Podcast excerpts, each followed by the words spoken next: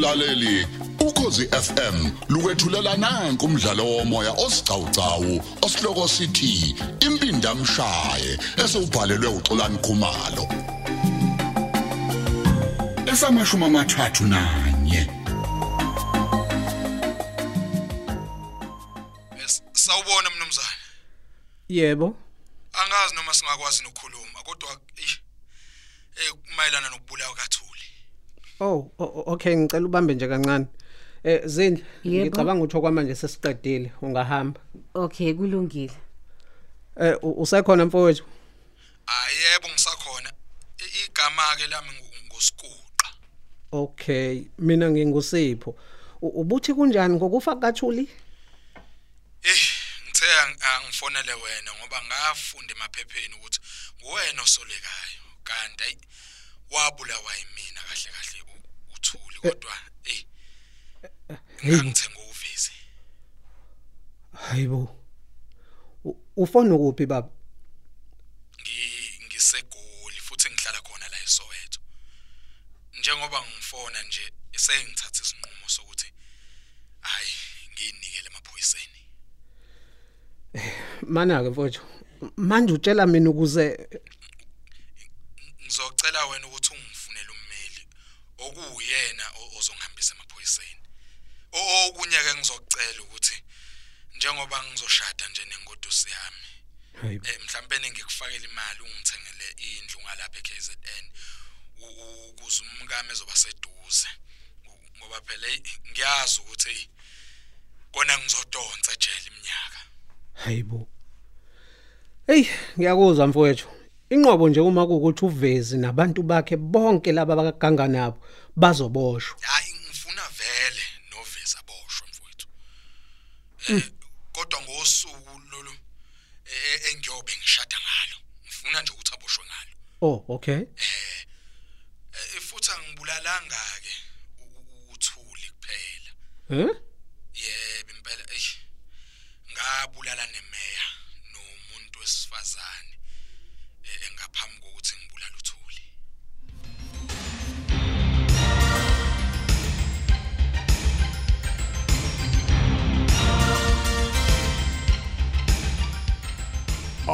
Mshana. Akujwayelekile ukuthi wena uze office lami. Eh kusho ukuthi mhlambe kukhona okuphuthumayo endodeni. Hayi, kukhona impela malume. Kodwa kangazi noma unaso yini isikhathi. Oh, hayi hayi isikhathi sikhona singakhuluma mshana, singakhuluma. Awukahle amantombazane lawa angakwenzela itiye kodwa. Hayi cha, ngiyabonga malume. Ukunalokho nje singavele sihlale udabeni. Oh, oh, hayi awukahle yini kwenze njani? Ey, ngingathi nje malume umbulali kaMakasenzo nemeya noThuli. Ungifonele nje manje nje kuseni. Hi? U- Uthini wena? Hey, uyazi malume bengathi ngiyaphupha. Hayibo. Awukahle ubefonele wena e- e- e- ekutsakela noma ubenzani? Cha malume, indaba iqale ngokuthi ngibheke izinkampani zonke eziqondene novezi. Ya. Ngifuna ukubona ukuthi ayikho yini enye yazo mhlambe yaqasha imoto efana neyami. Mm. Njengoba ke phela vele sonke besimsola enjengomuntu okuyena owaqala yonke lenyaka nyaka. Hayi ke emva kwalokho ngibese ngibheka ke lezi inkampani ngoba ngazi kahle ukuthi zikhona inkampani bumbuli zakhe ezinye hayi le yane ngake ngayivundulula kuphela. I- ikhona kodwa inkampani i- ikhona mshana cha ngiyabuza ngiyabuza malume. Yazi noma malume kwesinye isikhathi. Uthi nje ufuna enye into uvela ubone sewusithola nje ezinye izinto kade ungazilindele. ngilalele Ngitsho ukuthi credit card yenye yalezi zinkampani zakhe embumbulu iyona yaqasha imoto efana neyami ngqo. hayibo Hayi ke angibange ngisapholisa amaseko. Ngavele ngayifonela le nkampani eqashisa ngezimoto. Ngabe sengibabuza ukuthi ngingayiqasha yini le moto. mm Ayi bathi le nombala ofana nale yami yaqashwa ngesonto elidlule. Kodwa ke lo wayeyiqashile ubese ibuyisela kuyigatsha labo elisesikhumulweni sezindiza kodwa le esegoli. Hayi ngivele ngadideka namalume. hey madoda Kodwa kumbulali useshila ukuthi wathi angabulala uthuli.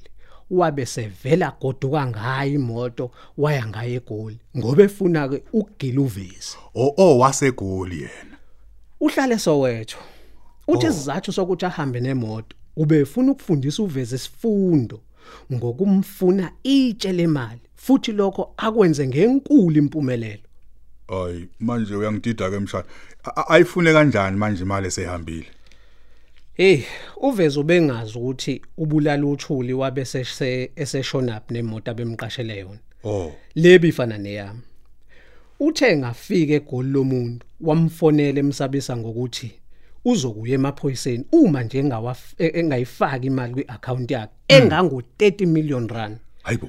futhi efuna ukuthi uphume kwiaccount kaVezi Awukahle. Uthe imalini? 30 million rand 30 million. Imali engaka? hey futhi wamnika ngempela ke malume Hey madoda.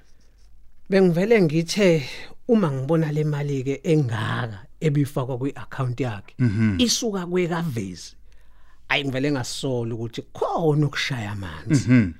Ngabe sengimfonela lo mlisa ngizibuzisa nje ukuthi uyithole kahle yini le mali yakhe engaka. Ey ngiyabona ukuthi lento yokufona kwami imfaka amanzi emadolweni lo mlisa.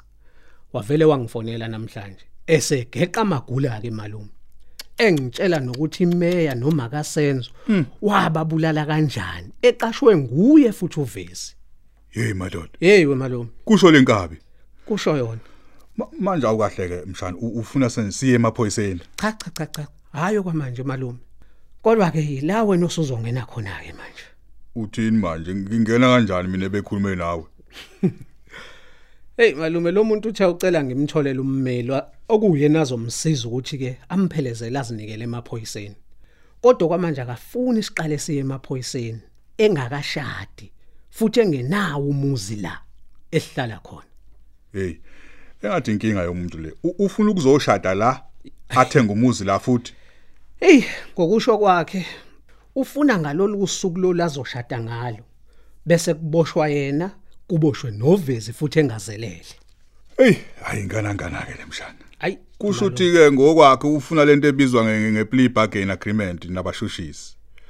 Kusho ukuthi ngoba uzovele aziyele yena emaphoyiseni umuntu. Okay. Futhi kungekho nomuntu obefuna ukuthi ke amfuna lokho embheka. Eh ufuna ukuthi ngalokho kanikwe isigwebo esithe ukuncishiswa. all right Ehhe ngoba kuye kube njalo.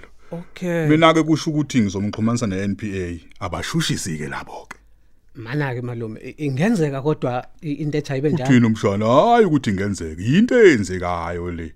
Oh. Angithi ukuzwe kuthiwa kwesinye isikhathi eh, abantu baboshelwe icala elilodwa elifanayo bebabili. Kodwa omunye wabo uzosukuthiwa usephenduka ufakazi wombuso. Kwesinye isikhathi usuke yena ezicelele yena. Kanti kwesinye isikhathi uma umuntu eyivumele yena amacala lokho akusho ukuthi akasezogwetshwa. Yeah kodwa kuba khona uxoxisana phakathi kommeli wakhe mhlawumbe ke nabashushisi. okay. Ehhe ukuthi ke mhlawumbe isigwebo sakhe sithi ukwehliseka ke uyabona? Oh, yeah. bese kuya ngokuya ngobucayi ke becala kasuke nalo. Ey malume ey nawe vele wasuke wenza isibonelo ngalabantu. Ayi kodwa labo ngokuxazulula amacala eh, asehlula amaphoyisa eh, ngokuzinikela kwakhe kuzomehlisela isigwebo yena. Hayi lokho ngiya ngiyakwethemba. Mm. O- u- lo muntu wena osekhulume kangaka nawe mshana u- u- uyamthemba kodwa? Ey ngizwa ngimthemba malume. Kodwa uthe ucela ukuthi ke sihlangane endaweni yomphakathi. Njengasesikhumulweni sezindiza kanje ukuze sikhulume kahle. Ya. Uthe uma esho njalo ayi ngabona cha ukuthi hayi akadlali ngami. Futhi ngase ngamthemba. Hayi uma esho lokho ke nami hayi ngingacishe ngimethembe. Uthe ke namhlanje uzothumela imali ngimthengele indlu. Hayibo. Le akazohlala kuyona ke nomkakhe kodwa yena akazobuye eshiya umkakhe kuyona ngoba phela uzobe sejele konke engicabangayo lamshana. Kwenze njani? Mhm awuthi akathumela imali necopy yebhasi lakhe. Oh okay. Ehe bese uthola ifootage yala wayihambisa khona imoto. Okay. Uma kuyena ndawo zombili hayi usungamthemba. Bese uyamthengela ke leyo ndla ayifunayo. Kodwa mshana nasi isicelo sami. Ngicela ungatsheli ngisho yedwa umuntu ngalento. Ngisho abangani bakho uqobo. Kube ukwazi kwethu nje sobabili okwamanje. Hayi uthini umshana? Phela udabula ubucayi kabi lolu. Hayi ngiyakuzwa mina ngakhuluma nokapteni ophethe station emaphoyiseni. Naye avuma ukuthi bangamenzi lutho kumanje azashade. Okay. Uma kuzoboshwa uvezi nje yilokho esikufunayo. Ey Hayi ngiyakuzwa malume. Kodwa ke yazi malume ngiyasola sengathi kukhona imoto engilandelayo kulezi insuku. Mm. Imoto yami sengize ngayidima amawindi. Ukuze ngingabonakali ngaphakathi. Usho kanje? Ey ngiyasola impela malume. Hey anoqaphela mshana. Uyazi lo muntu akabuzwa uvezi loyo.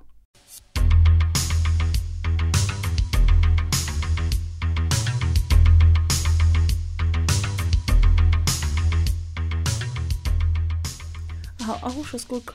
Ubuthi umfonelele kodwa usipho. Ngoba phela nami sengilitshaziswe ukuzithengela izingubo lapha yazokugqoka. Kanti ke enye imali kulo nginikeze yona ngivele ngawuyifaka ebhanki. Bo. Hayi cha ngi no. Ngimfonelile saxoxa nje. Futhi sengathi necebo lethu hayi. Lezo sisebenzela kakhulu. Usho ukuthini sikuqa? Naw. Awuhlale phansi esezoxoxa xoxa. Yazi kodwa ubuke kususwabulukile ke manje. Awuze nazo. Hayi lalela ngimfonela uSipho. Okay. Ey kodwa benginovalo la. Lokuthi uzofonela amaphoyisa. Wesithando sami. Loya muntu mina ngim ngimbone umuntu nenhliziyo enhle nje. Vele. Angiboni into yenza ngeke. Nani ngixabaniswa yini bo? Hey, lalela wesiguqa. Sasizwana kabi mina noSipho. Mhm. Cabanga wayefuna ngisho ukungifundisa enyuvesi ngemali yakhe. Kahle wena. engakamloboli ngisho kumloboli udadewethu kodwa kuvezi hayi wasixabanisa naye. Futhi ke wenza isiqiniseko sokuthi ukungezwani kwethu waye kugovuza aza kufake ngisho usawoti imbali. Hayi yabo lo amuntu hayi.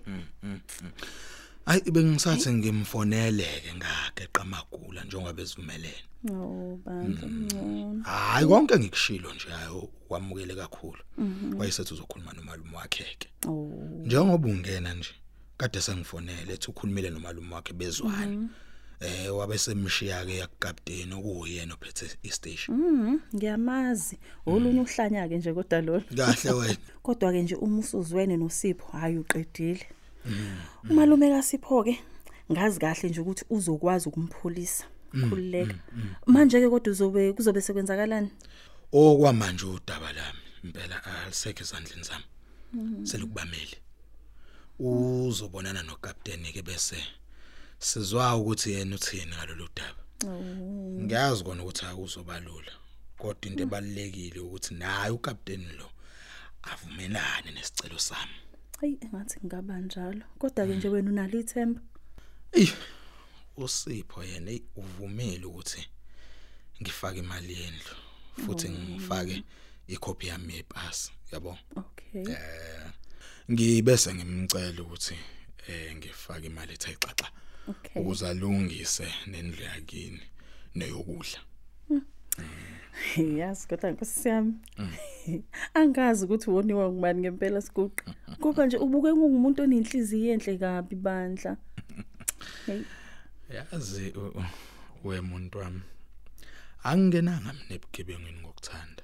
kwenzakalani pho? Hayi kwaba nje ey impilo phela nokufakwa kabangani ke. Yayibona leyo nto. Hayi, ngiyakuzwa. Manje usumnikile ke imali yendlu? Hayi sengimnikile futhi wathumela nomyalezo uthi usayitholile. Yazi kodwa nami ave ngifisa abakithi ukunika abantu basekhaya imali. Hayibo. Hayi, Hayibo. hawuyini? Phela ungana yonke lento. Bekezela sithando sami hayibo. Isikhathi sokuthi uvele sesofika manje. Hayi. Ithi nje ukurelaxa kancane. Hayi ukuthi awazi siguqa sengibakhumbula kanjani abantu basekhaya. Kodwa ke nje umuntu wokuqala bakithi engifisa ukumbona nje ngixolise kuyena uSipho. Ey, Hayi. ngiyazi ukuthi uzizwa kanjani manje nga- ngazo zonke lezi zinto wazenza kusipho. Hayi yazi nje. Kodwa kufanele senze isiqiniseko sokuthi uveze uyaboshwa. Ngiyakucela ke nje kuloko. Hayi, akugejike lapho. Hayibo, umuntu onjani Ageji. ngempela wethula umuntu owenza sengathi uyakuthanda. Akwenzele yonke into. Kanti ngale esithe uhlele ukukubulala futhi hayi nje kodwa ngesihluku. Bona nje siguqa ngifuni ngisho ukuyicabanga le. Hayi.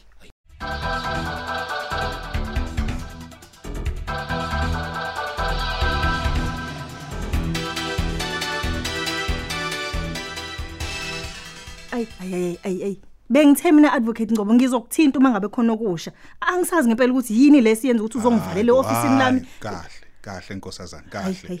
kahle kapteni ngicela wehlisa umoya ngoba mhlawumbe ngikuphathela indaba eyingase ishintshe impilo yakho yonke. Ngicela ungalinge nje uzongitshela ukuthi uzozama ukungigwazela la advocate Ngcobo ungangilingi. Oh uthinte yokugwaza. Mhlawumbe wena ungagcina ugwazela mina uma ungathola ukuthi ngizokusiza uxazulule amacala egazi asenihlulile njengamaphoyisa. ukhuluma ngani Ngcobo Njengoba nihola imali kahulumeni, nidla mala ningenzi lutho, nothing.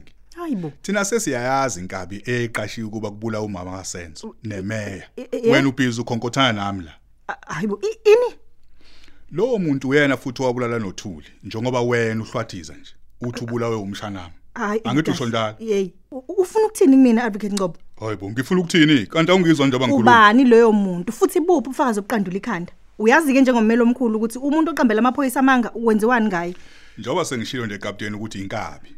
Wena ufanele ukubuza ukuthi yayiqashwe kubani ngaphambi kokujaha ufakazi. Asubambe lapho ke umdlalo wethu womoya osihloko sithi impindamshaye olethelwa ukozi FM